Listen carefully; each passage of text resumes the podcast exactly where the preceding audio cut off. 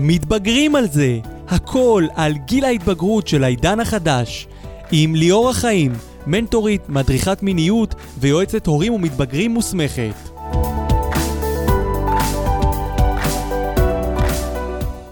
אז הסיפ... הספר עצמו, הסיפור עצמו מבוסס על uh, סיפור אמיתי, כשאני הייתי בגן, זה לפני הרבה מאוד uh, שנים, אבל uh, זה כנראה מסוג החוויות שנצרפות אצלנו בנשמה, בנפש, וצריכות איזשהו צוהר בשביל uh, לצאת. והצוהר שלי בסיפור הזה במהלך חיי היה העובדה ששניים מתוך שלושת הבנים שלנו עברו uh, ביוש. ומצאתי את עצמי יום אחד, אני כותב די הרבה, מצאתי את עצמי יושב וכותב את הסיפור כמו שהיה בתקופה שאני הייתי בגן, שמספר סיפור על ילד שבאמת הכינוי שלו היה פסוליה. שם הסיפור, במקור, היה מבוסס על דימוי גוף.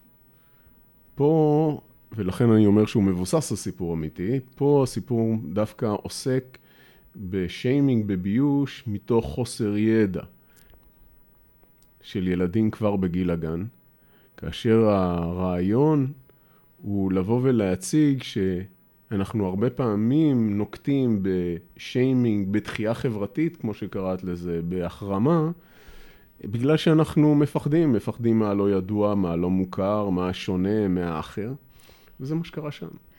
אתה יודע, אתה מדבר ואני ככה מקשיבה, אה, ויש, עולים לי כמה טריגרים לראש. אחד, שבו אתה, אה, לא יודעת אם אנחנו נסגיר את גילך, אבל... אה, או שאין לך בעיה עם זה. ממש לא. הוא נראה נורא צעיר, אני אספר לכולם. אבל אתה בן 50, מעל גיל 50, ו, ואתה מספר על השיימינג שהיה גם אז, זה אומר שהתופעה הזאת זו תופעה שקיימת והייתה תמיד קיימת. נכון. אה, ואתה אומר, אה, ואני חושבת שהיום היא קיימת בתדרים אחרים, בעוצמה אחרת, בהיקפים אחרים. השריטה בנפש היום היא הרבה יותר קשה.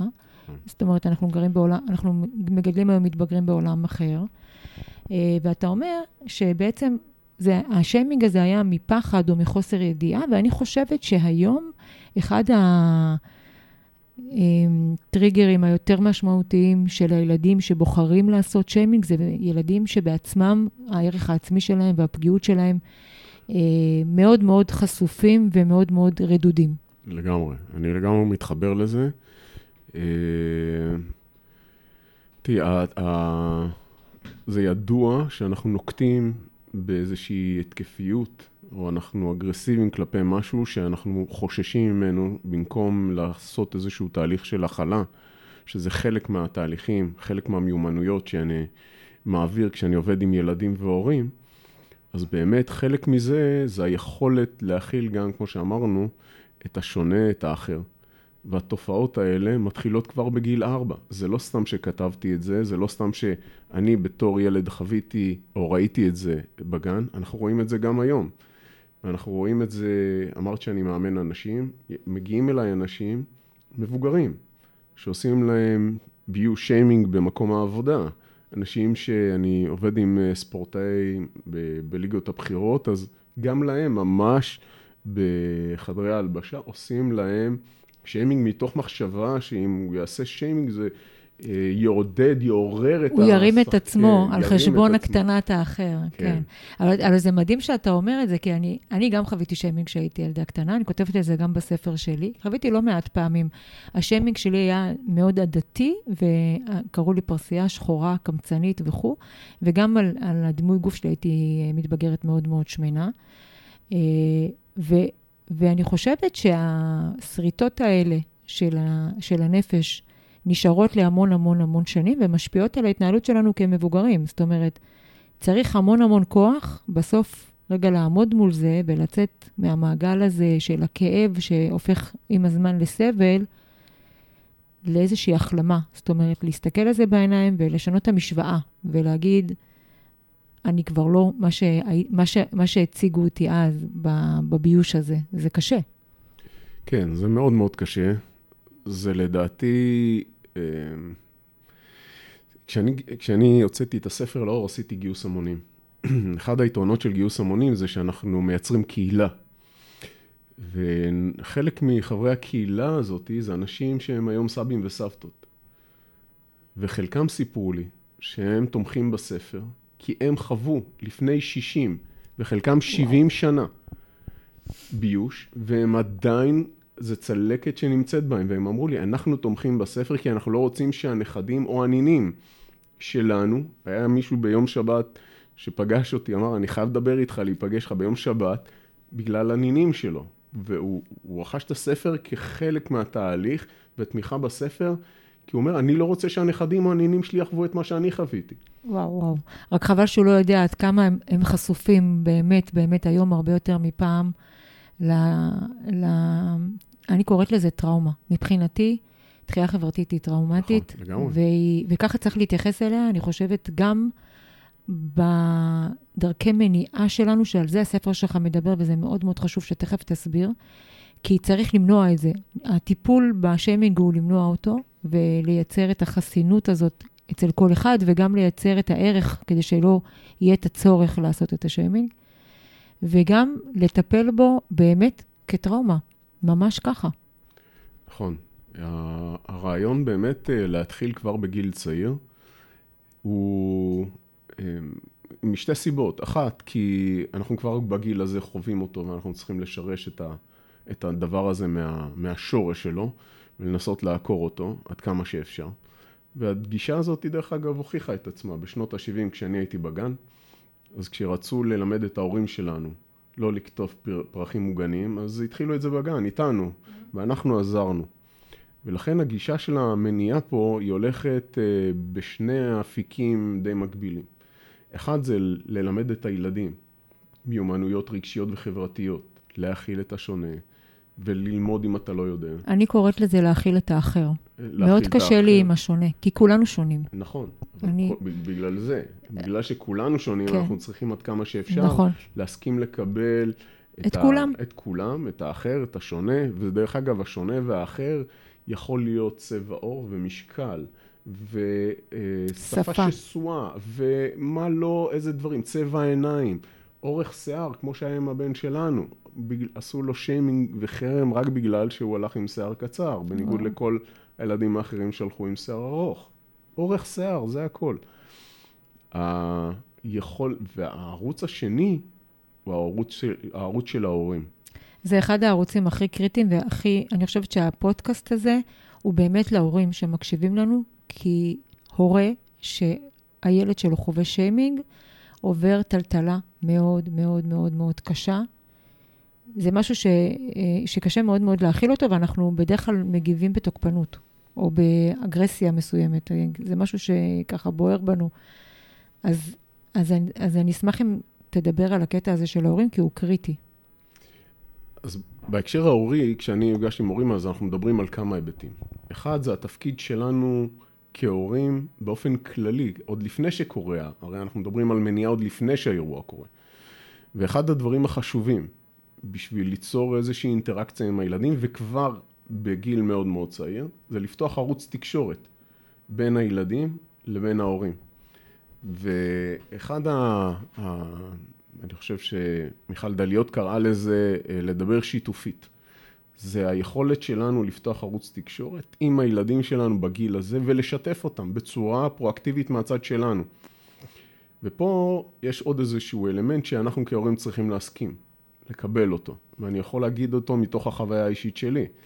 זה להסכים להיפתח ולהסכים ברמת הענווה הנדרשת, להסכים ללמוד מהילדים שלנו, ללמוד מהיצורים הקטנים והחמודים האלה שגדלים אצלנו בבית, וללמוד גם מהם, להקשיב להם, לחלוק איתם, לשמוע מה דעתם, וכן, גם בגיל מאוד מאוד צעיר.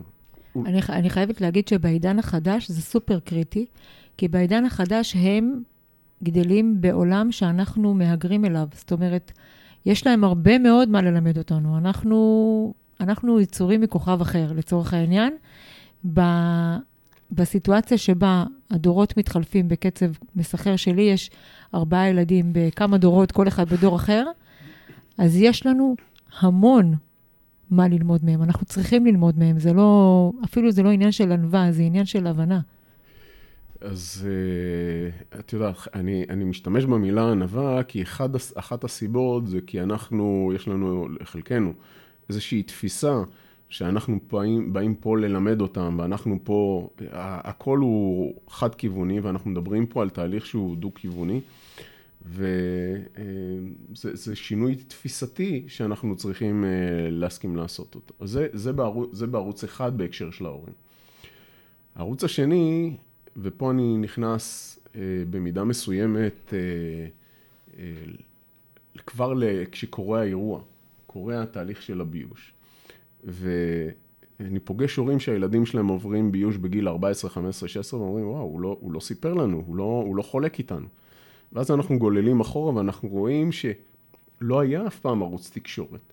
עכשיו, הערך המוסף של לפתוח ערוץ תקשורת, לדוגמה, בנושא של ביוש, ביוש וחרם כבר בגיל 4, 5, 6, זה שאם קורה, אתה רוצה לדבר עם הבן שלך או עם הבת שלך בגיל 13, 12, 13, 14 על מיניות למשל, אתה רוצה לדבר על אלכוהול, על סמים. כבר אז יש ערוץ תקשורת פתוח שמאפשר מערכת יחסים מספיק בטוחה, מספיק מכילה, לא שיפוטית, בין הילדים לבין ההורים, שמאפשרת איזשהו דו-שיח של הקשבה והכלה של שני הצדדים. אני כל הזמן אומרת שהכלי המרכזי והיחיד, אני חושבת, שנשאר לנו בעידן החדש של גיל ההתבגרות, להמשיך להיות נוכחים בתוך החיים שלהם, זה מערכות יחסים. זאת אומרת, מבחינתי, בגיל הזה, אני מוכנה למכור הכל תמורת מערכת יחסים איתם. כי אם אני סגרתי את הדלת וירד עליי מסך, אני מאבדת, אנחנו מאבדים אותם, אנחנו ממש מאבדים אותם, והם יודעים להסתיר, לשקר, לסבול, להתבודד, להישרט, ואנחנו לא שם. זאת אומרת, אין לנו הזדמנות שנייה, וזה מה שהורים צריכים להבין. מערכות יחסים צריכות להיות, אני לא קוראת להן חזקות, אני קוראת להן יציבות, שזה הקטע. כי אם אנחנו חזקים, אז uh, אנחנו שוטרים, ואם אנחנו יציבים, אז אפשר להישען עלינו ואפשר להתייעץ איתנו, וזה מוד אחר, זה מנהיגות, זה מנהיגות הורית, זה, לא, זה לא שליטה הורית. נכון. אחד הדברים שאני מדבר עם הורים, בהקשר של תקשורת, זה על התקשורת המילולית, שאנחנו מפתחים איתם, ועל התקשורת הלא מילולית. ואנחנו מדברים, אני מדבר המון על מודל לחיקוי שלנו כהורים. ואחד הדברים המעניינים שהורים שמים לב לזה במפגשים שאנחנו עושים, כי מה שאני עושה, אני עושה אה, סימולציות, משחקי אה, תפקידים.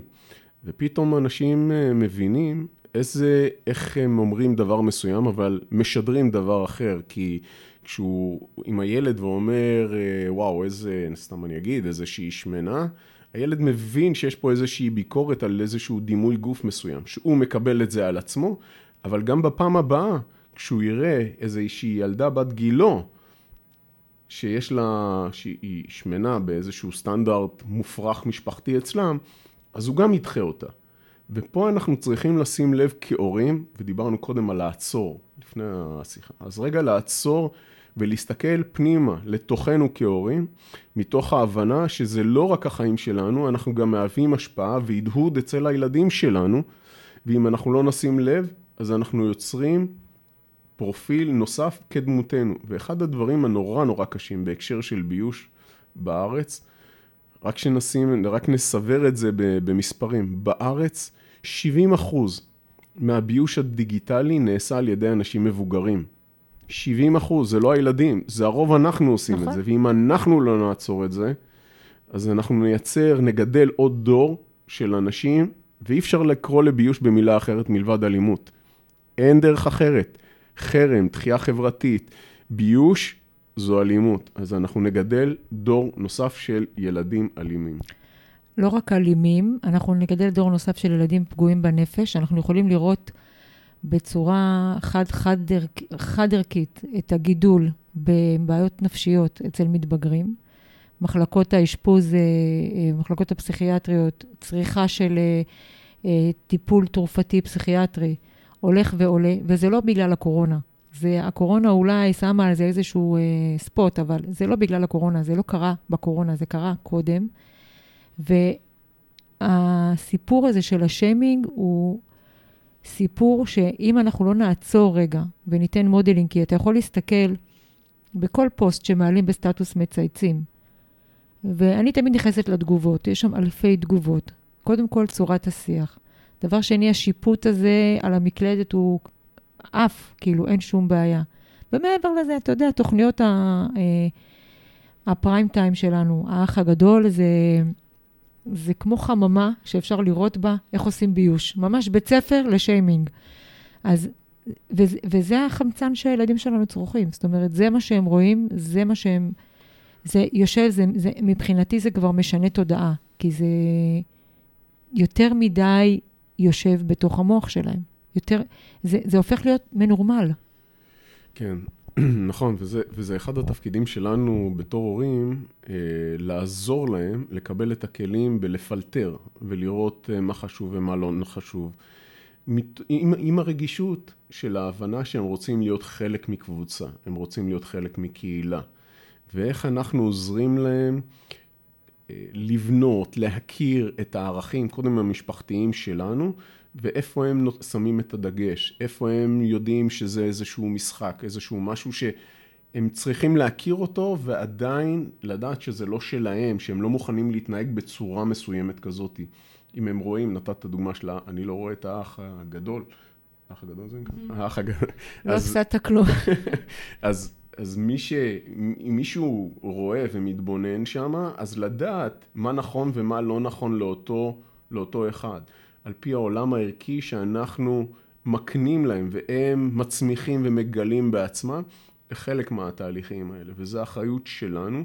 שוב, להיות הורים זה לא משחק ילדים, תרתי משחק מילים, אבל התפקיד שלנו זה לאפשר להם את זה גם.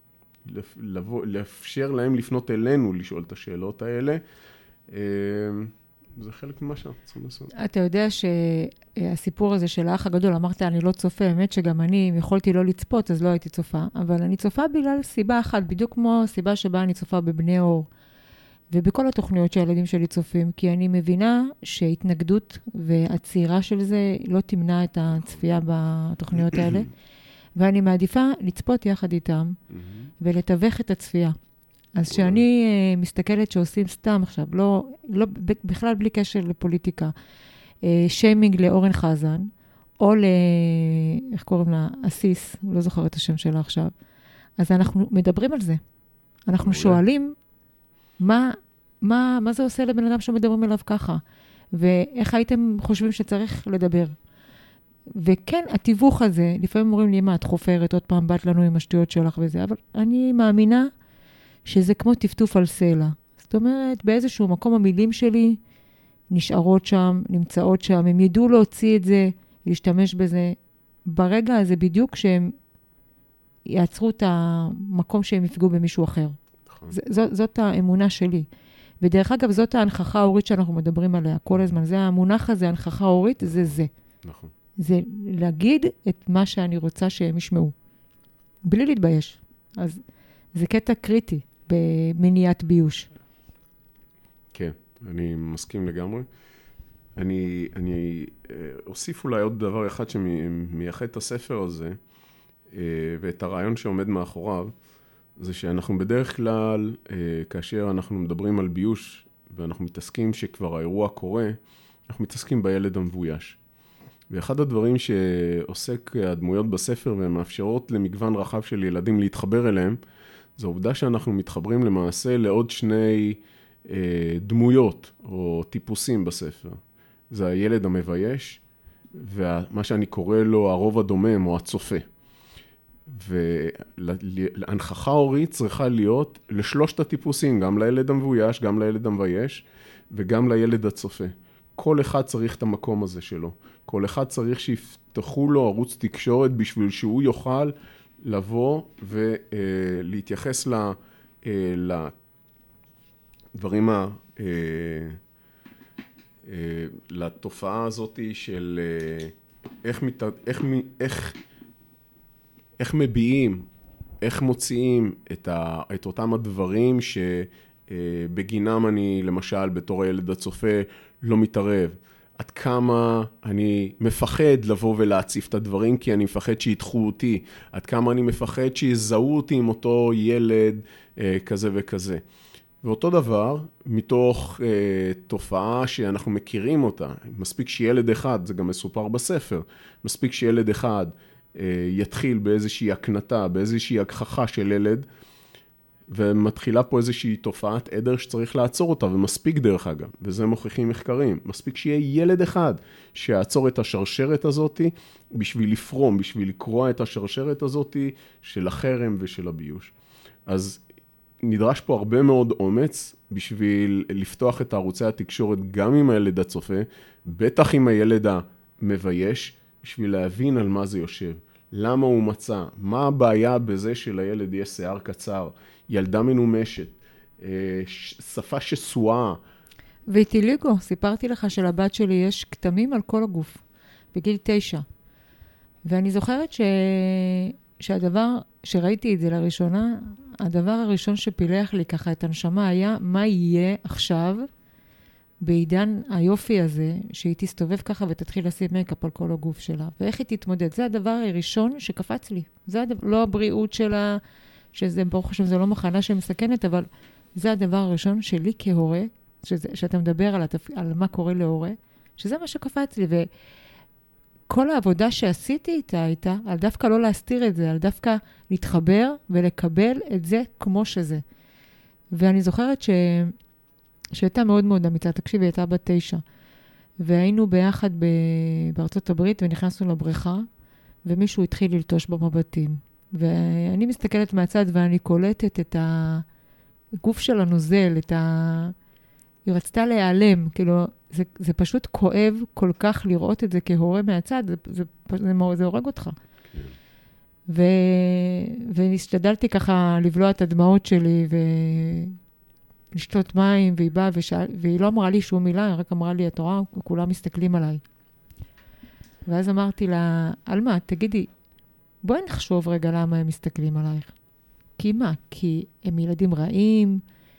כי אולי הם לא מבינים מה זה, אולי זה מסקרן אותם, ופשוט פתחנו את זה, ו... ואחים הצטרפו לשיחה, ובעלי, ופתאום זה משהו שם נרגע אצלה. כן. ואז היא פשוט הבינה שמסתכלים עליה כי היא מיוחדת.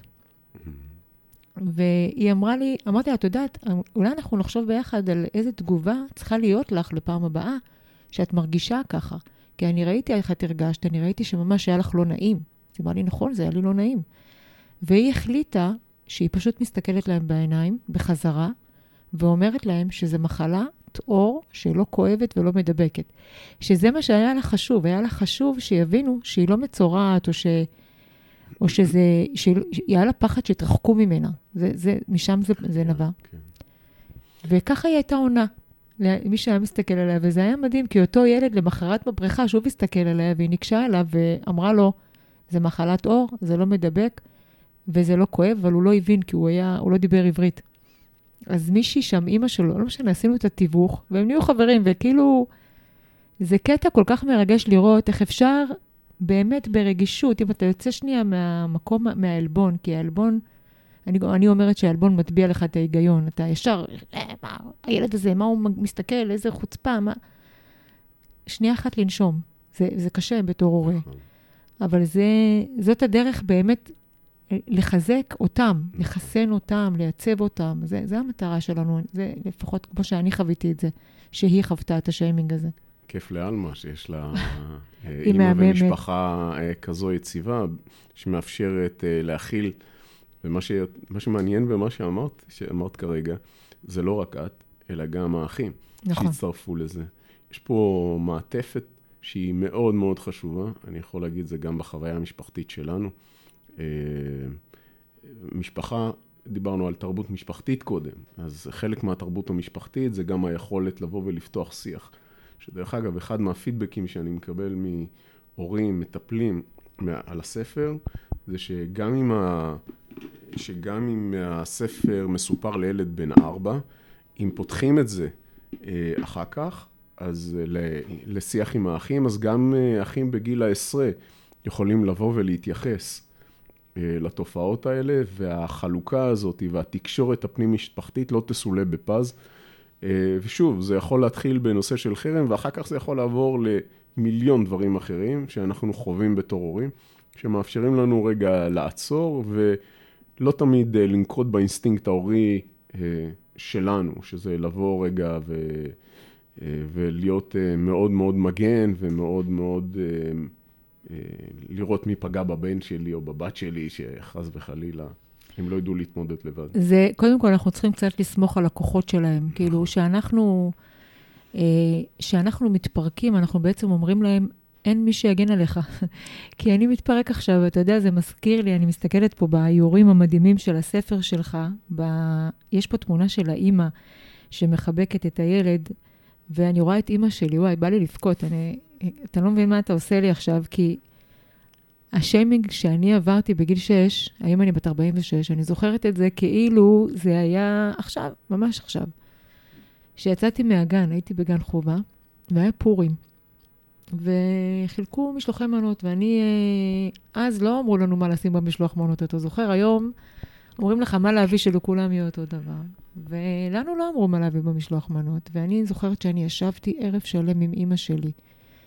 והיה בריסטול ברוד, אז היינו קונים בריסטולים, ועשיתי, מה זה משלוח מפואר, והקשטנו אותו, ומה אימא שלי לא שמה במשלוח הזה? מה? כל טוב, באמת, זה היה משלוח מאוד גדול. והגעתי לגן, גן חובה, ואני זוכרת שחזרתי לבד. אני, לפני שנה, שכתבתי את הספר, הלכתי למקום הזה כדי לראות באמת אם, זה, אם אני זוכרת נכון, כי בחוויה שלי אני חזרתי הביתה לבד, גן חובה. אז אמא שלי אמרה לי, כן, הייתי יושבת במרפסת ממול ומחכה לך. והייתה שם גננת שקראו לה תמי, שיער שחור, אני זוכרת אותה כאילו היא עומדת מולי עכשיו. והיא עשתה לי שיימינג כל השנה, זאת אומרת, אני הייתי פרסייה. אה, היא לא הגנה עליי אף פעם, היא לא... היא לא... היא זלזלה בי, אני זוכרת את ה... לא, לא באתי לטוב, מה שנקרא. וכשחילקו אה, אה, משלוחי מנות, אז נתנו לנו פשוט להחליף. כל אחד הלך בסוף היום, והיינו צריכים להחליף עם מישהו. ואני זוכרת את עצמי רצה מילד לילד ומתחננת שיחליפו איתי את המשלוח מנות. ואף אחד לא הסכים להחליף איתי את המשלוח מנות, כי הייתי פרסייה, וזה בטח משלוח מנות של קמצנים. ואני זוכרת שבסוף, בסוף, בחצר, איזה בן אחד הסכים להחליף איתי את המשלוח מנות. הוא החליף איתי, ואז הוא חזר לחבורה ואמרו לו, מה אתה מחליף איתה? היא פרסית. ואז הוא מיד חזר והחליף חזרה, זאת אומרת, הוא התחרט. אני, אני, אני, אני פשוט, אני זוכרת את הרגעים האלה כמו אני לא יודעת מה, ואני לקחתי את המשלוח מנות ובאתי הביתה. ואני זוכרת את אימא שלי, בדיוק כמו פה בספר, זה כאילו בגלל זה זה מזכיר לי. את אימא שלי מסתכלת עליי מלמעלה עם המשלוח מנות ורוד ביד. לא בכיתי. אבל היא הסתכלה עליי ואני הסתכלתי עליה, והמבט שלה הייתה פשוט נחמה. היא לא יצאה מהכלים, היא לא התעצבנה, היא לא הלכה לגננת לצעוק עליה.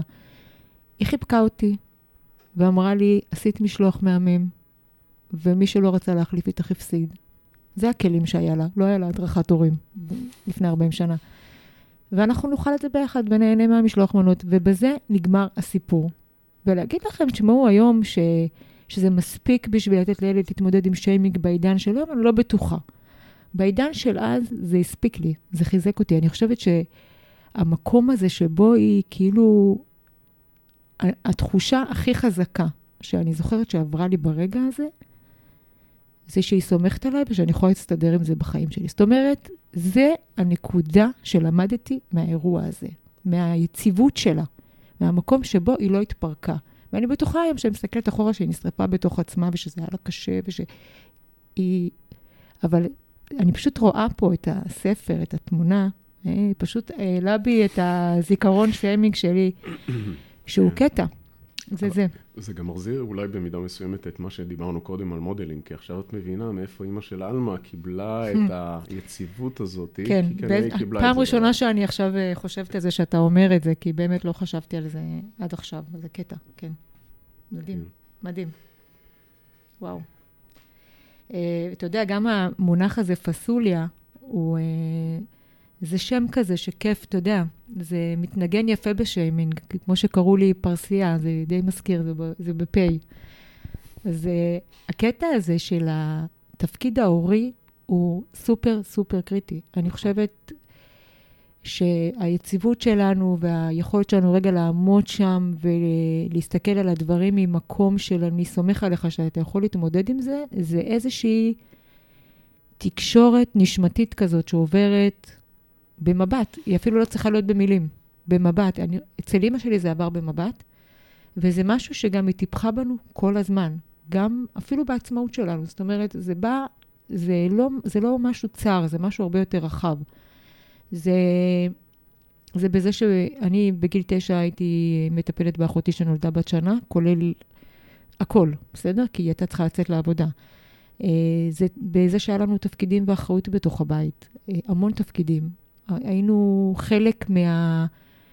אה, חלק מהיצירה הזאת שנקראת משפחה. וזה משהו שקריטי מאוד מאוד היום בחוסן, כי ברגע שאנחנו נייצר אותם משמעותיים, נייצר אותם יכולים, ניתן להם ערך ומשמעות בתוך התא המשפחתי, ככה יהיה להם קל יותר להתמודד בחוץ למול תופעות ביוש, וככה הם גם יעשו פחות ביוש.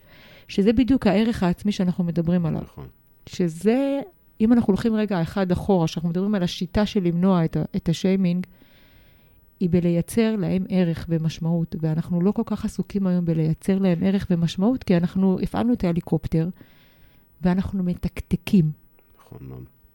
דיברנו קודם על המונח אה, נוכחות הורית. אה, בגלל שאנחנו תקתקנים וחיים בעולם, אז הרבה יותר קל לנו, במקום לאפשר להם להתמודד, אז אנחנו, מה שאנחנו עושים אה, הרבה מאוד פעמים, אנחנו, אנחנו נטפל לך בזה, אנחנו נעשה את זה כי אנחנו כבר ממילא מתקתקים, אז נתקתק גם את הדבר הזה. ואני חושב שחלק מהדברים שלנו, זה שאנחנו צריכים לעשות, כחלק מהנוכחות זה רגע להניח את הטלפון שלנו בצד, ואת כל הרעשים שאנחנו מביאים מהעבודה, ואת כל זה שהבוס עצבן או הבוסית עצבנה אותנו וכדומה, ואנחנו רוצים ממש להיות נוכחים ולהיות בהקשבה עם הילדה או הילד שלנו, כדי שהם ידעו שאנחנו נמצאים שם, כדי שהם ידעו שאנחנו פה בשביל להקשיב, ולא תמיד בשביל לבוא עם הפתרונות, אלא אם כן הם שואלים כמובן, אבל לבוא ולהיות, אה, איך אמרנו קודם, יציבים ופתוחים ולא שיפוטיים, שזה אחד הדברים הקשים ש, שלנו שאנחנו צריכים. כשאני עושה את המשחקי תפקידים עם, ה, עם ההורים, אז אני אומר, בואו תהיו רגע, שנייה, לפני שאתם מתחילים את המשחק, תהיו רגע אמיתיים. תחשבו רגע שעכשיו הפנייה אליכם היא בשמונה ומשהו בערב, כשהדבר האחרון שאתם רוצים זה לשמוע את הילד או הילדה שלכם באים אליכם, תנו לי לראות, לא יודע, האח הגדול, טלוויזיה, משהו. שחררו אותי, בחייאת. שחררו שלי, שחררו אותנו מזה, ואז בואו תגידו איך אתם חיים בחיים האמיתיים שלכם. וחלק מהדברים שהורים פתאום מתהפכים במפגשים האלה, זה שהם מבינים, הם לוקחים על עצמם. יש פה איזושהי מראה מסוימת כתוצאה מזה, שמאפשרת לאנשים רגע להגיד, אוקיי, שנייה, איך אני יכול לעצור? וחלק מהתהליכים זה באמת העצירה הזאת שדיברנו, ולנשום. ו- וזה תהליכים שעושים ב baby steps, שזה גם בסדר, כי אנחנו פה, דרך אגב, תהליך של מניעה בהגדרה שלו הוא תהליך מאוד מאוד ארוך, זה מרתון. אנחנו מתחילים בכוונה בגיל ארבע ועולים צפונה. אני תמיד אומרת שהתפקיד ההורי זה מקבלים צ'ק בהלנת שכר מאוד משמעותית. זה החיים. כן. אה, אנחנו, אין תוצאות, פודים את הצ'ק מאוד מאוחר. אה, זה צ'ק עם אה, שוטף פלוס הרבה שנים. ו, ואין תוצאות מיידיות בחינוך. יש עבודה לאורך הדרך מאוד מאוד משמעותית. ואנחנו צריכים כל הזמן לעבוד בזה. נכון. ואתה יודע מה? אני אפילו הולכת איתך, יושבים אצלם, אנחנו מדברים על הקשבה ושיח mm-hmm. ונוכחות הורית והשפעה שלהם. בסוף, בתוך התא המשפחתי, שם אנחנו בונים את העמוד שדרה הזה שאנחנו מדברים עליו. בסוף, כשבאים אליי הורים ואומרים, תשמעו, יש ילד שמציק לו, אז אני אעביר אותו כיתה. ואני מסבירה שבכל תחנה בחיינו, עד שנמות, יהיו לנו תמיד את המעצבן, ותמיד את הקרצייה, ותמיד את ההוא שלא בא לי טוב, ותמיד ההוא שמקטין אותי ומקנא בי ומבייש אותי, יהיו לנו תמיד. ואנחנו לא יכולים לברוח כל הזמן, אנחנו צריכים לבנות אותם יציבים, לעמוד, להתמודד מול העולם הזה. עולם לא פשוט, החיים לא תותים. ו... ובשביל לבנות אותם, אנחנו צריכים להיות בבית ולבנות אותם. וזה התפקיד של ההורים היום הרבה יותר מפעם. ואחד הדברים שאנחנו דיברנו על זה, אוהבים לתקתק ו- ולקדם ולעשות מהר בשבילם, כי אנחנו רוצים גם שהם יהיו מאושרים, כפרה עליהם, כן. נפנה להם, נעשה להם מסאז' ברגל רוח וזה, שהם... אז אנחנו מגדלים ילדים שהם בלי חוסן, הם, הם באים, אני הייתי רואה את זה בצבא, אני השתחררתי לפני שלוש שנים, ובעשר שנים האחרונות יכולתי לראות בצורה, פשוט אתה רואה את הגרף יורד. הם מגיעים לתוך השירות הצבאי וחוטפים את הכף, הם מגיעים למציאות. השירות הצבאי זה המציאות, בסדר? והם חוטפים כאפה. כי פתאום הם מבינים שבואו, לא עובדים אצלכם. אף אחד לא עובד אצלכם. יש בחיים משימות, יש לעמוד בזמנים, יש סמכות, יש חוקים, יש תוצאות למעשים שלכם. ואין מגיע לי. אין. אז אנחנו גם כשבאים אליי אומרים, או, תשמעו, אין לנו, אומרים לי, אין לנו אמצעים, אנחנו... אה, אז גם אני אומרת שזה לא קשור באמצעים. האהבה לא עולה כסף. הזמן שלנו איתם לא עולה כסף. אנחנו היום, הרבה פעמים, אה, הורים אומרים לי, תקשיבי, דיברתי איתו. אני אומרת לו, מה זה דיברת איתו? מתי דיברת איתו? הוא אומר לי, שלחתי לו הודעה. אז חבר'ה, הם צריכים אנרגיה אנושית. הם צריכים לשמוע את הלב פועם. הם צריכים לה, להרגיש תחושה פיזית. אני אוהבת לחבק אותם. הם קוראים לי פדופילית, הילדים שלי. לנשק אותם, למזמז אותם, מה שצריך, הם צריכים את זה. גם אם אומרים לך, אמא, די, הם לא באמת מתכוונים לזה, הם רוצים את זה, הם משוועים לזה בתוך הנשמה שלהם. זה הקונפליקט הפנימי הכי גדול של מתבגרים, זה הרוצים או לא רוצים אותנו. ואנחנו צריכים לנטרל רגע את האגו הזה ולהיות שם, פשוט להיות שם. ולתת להם להתנסות, ולתת להם להיכשל, ולתת להם ליפול ולהרוס. לא לתת להם להיות בנקודת אל-חזור. שם אנחנו צריכים לשים את הגבול. אפרופו נקודת אל-חזור שדיברנו עליה היום, אני לא אתן להם להגיע למצב של פגיעה מינית, אני לא אתן להם להגיע למצב של אה, חלילה פציעה אנושה, אני לא אתן להם uh, לעשות משהו ש, uh, שישרוט את הנפש שלהם. אני לא אתן, אני כן אגן עליהם. אני אהיה שם עם 500 קילו, אבל אני כן אתן להם את הכישלונות הקטנים, שמהם לומדים ומתגברים ומתחסנים ומתחזקים. כן. אמ, אני בחוויה האישית בתור הורה, בחוויה האישית שלי, שלנו בתור הורים, אה, היה לנו בדיוק את הסיטואציה הזו, שחיינו בספרד איזו תקופה, וכשהגענו לשם אמרנו נכניס את הילד, את הילדים לבית ספר יהודי. הכי פשוט, נחיתה הכי קלה. אוגוסט 2006, אה, ואז אה, הבן הבכור שלנו, אנחנו, אני מזכיר בכוונה אוגוסט, אה, כי היה חם, חם מאוד, באנו מהארץ, וכשבאים מהארץ אז מסופרים קצר. אה, והוא מגיע, בן הבכור שלנו חוזר הביתה, איך היה, אף אחד לא דיבר איתי. אז אמרנו, אולי זה בעיה אה, בכיתה ג'. אוקיי. ואף אחד לא מדבר, אמרנו, טוב, זה שפתי, עד שהוא ירכוש את השפה. ואז יום למחרת, ואז יום למחרת. ואז הוא אומר, אף אחד, לא רק לא רוצים להיות חברים שלי, גם מצביעים עליי וצוחקים עליי. היה שם ילד שדיבר גם עברית, אז הוא תרגם. אף אחד לא רוצה להיות חבר של ילד עם שיער קצר. מה, מה הבעיה בשיער קצר, אנחנו שואלים. כי ילד עם שיער קצר זה ילד שחולה סרטן, ואף אחד לא רוצה להיות חבר וואי, של ילד וואי, חולה סרטן. וואי, וואי, וואי, וואי. עכשיו, מה האינסטינקט ההורי? אין בעיה, מה... דיברנו על לתקתק, נכון? אין בעיה, אנחנו נתקתק, נלך לבית ספר, למורה וזה וזה. עכשיו, הילד הזה, ופה זה ממש בניגוד לאינסטינקט ההורי שלנו, כי הוא אמר, לא, אני אתמודד עם זה לבד. איך אתם הרגשתם מה, בהורים? זה, זה, זה... זה קשה, זה, זה צריבה שאי אפשר, אי אפשר להבין אותה. זה, דיברת על משקול של 500 קילו, זה, המשקול של ה-500 קילו נפלה על אשתי ועליי, אה, הסתכלנו אחד על השנייה ואמרנו, אה, בסדר, ניתן לך. עכשיו, זה לאפשר את המרחב, דיברת קודם על הביטחון המשפחתי, על הקשר הזה עם הילדים, זה, אנחנו סומכים עליך. תדע לך שאנחנו שם. אנחנו כל הזמן היינו עם האצבע על הדופק, כל הזמן. עכשיו, יש לו כישורים שפתיים מאוד מאוד גבוהים, הוא למד ספרדית אה, מאוד מאוד מהר, וגילה והבין שבשכבה שלו לא יהיו לו חברים. אז הוא הלך ומצא חברים בשכבה העליונה, אבל הצריבה שנותרה לו שם. עכשיו, אנחנו, יום למחרת, אני לוקח אותך יום אחרי זה, בבוקר, לוקחים את הילד לבית ספר.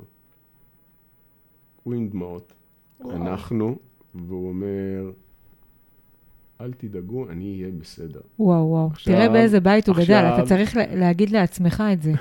אתה צריך רגע להבין מה נתת בו. זאת אומרת, עם איזה עמוד שדרה ילד בכיתה ג' בספרד הולך ואומר, אני אסתדר עם זה, אתה קולט בכלל? זה, זה, זה... לא, לא, זה לא, זה לא נתפס. זה רק לא אומר שבאמת יש לנו תפקיד משמעותי, שאנחנו באמת יכולים לייצר את העמוד שדרה הזה. כן.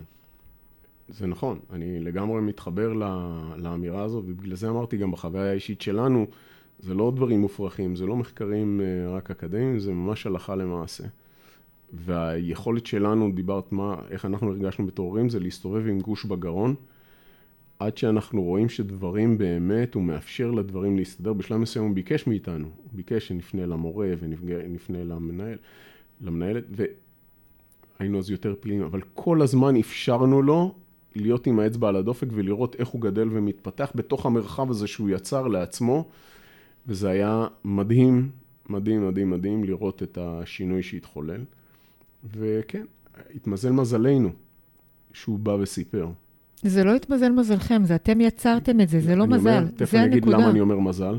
אני אומר מזל, כי רוב הילדים, רוב הילדים, לא מספרים. 40 אחוז מהילדים, 40 אחוז, זה מספרים פסיכיים לגמרי, 40 אחוז מהילדים בישראל לא מספרים. שעוברים ביוש. שעוברים ביוש, חרם, שיימי, לא מספרים, לא להורים, לא ל... נקרא לזה אנשי חינוך, צוותי חינוך וכדומה. אין פנייה. אבל אתה יודע, אין פנייה כי אין שיח משתף. דיברנו על זה. כי יש נכון. ב... המון ביקורת. אתה יודע, אחד הדברים שאני אוהבת ל... ל... בהדרכת הורים שאני עושה, אני אלמד אותם משפט אחד מאוד מאוד חשוב. והרבה פעמים הילדים מדקלמים לי, הם לא הקשיבו לך, אליאורה. זה משפט, אנחנו רגילים כאילו ישר לענות, ישר להגיד את הדעה, אמרתי לך. אה, פעם באה תקשיב לי. לא, היית צריך לעשות, אני אסדר את זה. כאילו, אנחנו מאוד מאוד רגילים רגע לעשות אנדו. אנחנו רוצים לעשות אנדו על הפעולה, למחוק, לעשות דילית. והתשובה שצריכה להיות היא, האם אתה רוצה לשמוע את דעתי? אני תמיד, הילדים שלי אומרים, ספרים, זה, אוקיי, הקשבתי, הבנתי, אתה רוצה לשמוע מה יש לי, אתה רוצה לשמוע את דעתי? הרבה פעמים התשובה היא לא, וזה מספיק, כי הם רצו רק הקשבה, הם לא נכון, רוצים נכון. לשמוע את דעתנו. תהיו רגע בענווה, בצניעות, בסדר? לא מעניין דעתכם כרגע. צר... עצם השאלה הזאת היא שאלה מכבדת. היא שאלה שמאפשרת להם להרגיש שווה ערך. הם לא שווה זכויות, אבל הם שווה ערך. הם, הם בשר ודם כמונו, זה שהם יותר קטנים לא אומר שהם פחות חשובים. זו שאלה שמלמדת אותם כבוד, זה מ... לעצמם קודם כל. כבוד לנו, כבוד שאני נותנת להם. זה מאפשר להם גם לבוא פעם הבאה ולדבר, כי הם יודעים שלא ישר הם יקבלו ממני שטיפה, אלא הם, הם יק... יהיה לי... יהיה להם אפשרות רגע להגיד, לא, סתמי, לא רוצה לשמוע אותך. והמשפט הזה הוא קריטי. וכשאתם תשאלו אותם, אתה רוצה רגע לשמוע מה יש לי להגיד על זה, או מה אני חושבת על זה? אז הוא יגיד כן, הוא רגע קודם כל יהיה בהקשבה, כי הוא ביקש לשמוע. וגם אם הוא יגיד לא, זה בסדר, ואל תיעלבו, תעשו לו, אל תעשו את הפרצוף. אני פה תמיד, וזה המקום שבו בונים חוסן. זה בדיוק זה, זה הנקודה, וזה זה, זה קריטי. כן, יש, אה, דיברנו קודם על צבא, אחד מהדברים של אה, אה, להתפתחות אישית זה מה שנקרא מבחני מסוגלות. וזה בדיוק חלק ממסוגלות מסוימת שלהם, לאפשר להם להתמודד בשביל לדעת שהם לא נופלים לתוך חור שחור. כי אנחנו תמיד נמצאים שם עבורם. וזה עוד שלב שהם צריכים לעשות כחלק מההתפתחות האישית שלהם אה, בחיים האלה. ואנחנו נמצאים כל הזמן אה, אה, עבורם, גם אם לא רוצים לשמוע אותנו באותה נקודת זמן, כי יכול להיות שיום למחרת משהו הדהד ואמר, רגע, אולי בכל זאת אני רוצה לשמוע. ו... ואנחנו שם. ואז ההנאה היא הנאה פנימית. זאת אומרת, אז הוא בא לשאול את דעתנו. נכון. ואז האוזניים פתוחות, ואין את החומת התנגדות הזאת. אני בכלל חושבת שכל הנושא של התנגדות עם מתבגרים, היא לא מקדמת אותנו. כל התנגדות תייצר התנגדות, פי שתיים, אבל זה עדיין לא אומר שאנחנו צריכים להיעלם, או לא להגיב, או לא להיות, או לוותר, או להיות סמרטוטים. לא. זה בדיוק האומנות הזאת של לדעת איך לייצר אה, שיח, והרבה פעמים אני אומרת להורים, שאחד הטריקים הכי טובים לעשות את זה, זה שאנחנו בקונפליקטים מתבגר, אני תמיד אומרת להם, תחליפו רגע את המתבגר בחברה הכי טובה שלכם. ותראו איך ברגע אחד התגובה שלכם משתנה, כי כשהוא עומד מולנו, אנחנו מתייחסים לתפקוד שלו ולא לילד. אנחנו, יש לנו היסטוריה, יש לנו אגו, יש לנו פחדים, וכל זה מנהל את השיח. עכשיו, אם אנחנו נצליח רגע לנטרל את זה, ותחליפו אותו באיזה ברד פיט כזה שעומד מולכם עכשיו, ולא הבן שלכם, ותראו שהתגובה שלכם תהיה אחרת, אז תבינו שאתם לא מגיבים נכון. תבינו שאתם מגיבים לתפקוד ולא לילד. ו- וזה טריק מאוד מאוד חזק בלפרק קונפליקטים. אה, זה בדיוק המקום הזה של להסתכל על המסר, ולא, ולא רגע על כל ההיסטוריה ועל מה שיושב לנו. זה, זה מעגל הקשבה כזה, אתה יודע, בהקשבה צריך אומנות, צריך... אני אומרת להם, סגרו את המוח. סגרו את המוח, שימו אותו על מיוט, תהיו רק עם הלב. נכון. תקשיבו עם הלב, וזה משהו שדורש סבלנות, זמן, פניות רגשית ונוכחות פיזית. אני חושבת שזה, שאלה הדברים שדרכם אנחנו יכולים נכון. למנוע ביוש וגם לייצר חוסן להתמודד, כי העולם מלא בשיימינג, לצערנו. כן, כן. אני, אני, חלק מהדברים שאני עושה, אני מנחה מעגלי הקשבה. כן, בוא תספר לנו על זה רגע לפני שאנחנו מסיימים, כי זה חשוב. אז במעגלי הקשבה אנחנו בדיוק מדברים על, ה, על הדבר הזה, רגע, לדבר מהלב. להביא את הסיפור האישי, את מי שאתה, לא, לא לדבר מהראש, זה באמת להקשיב גם מהלב. זאת אומרת, אה, אנחנו, אם ניקח את שתי האוזניים שלנו ונחבר, אנחנו נראה שהצורה שמתקבלת זה באמת לב.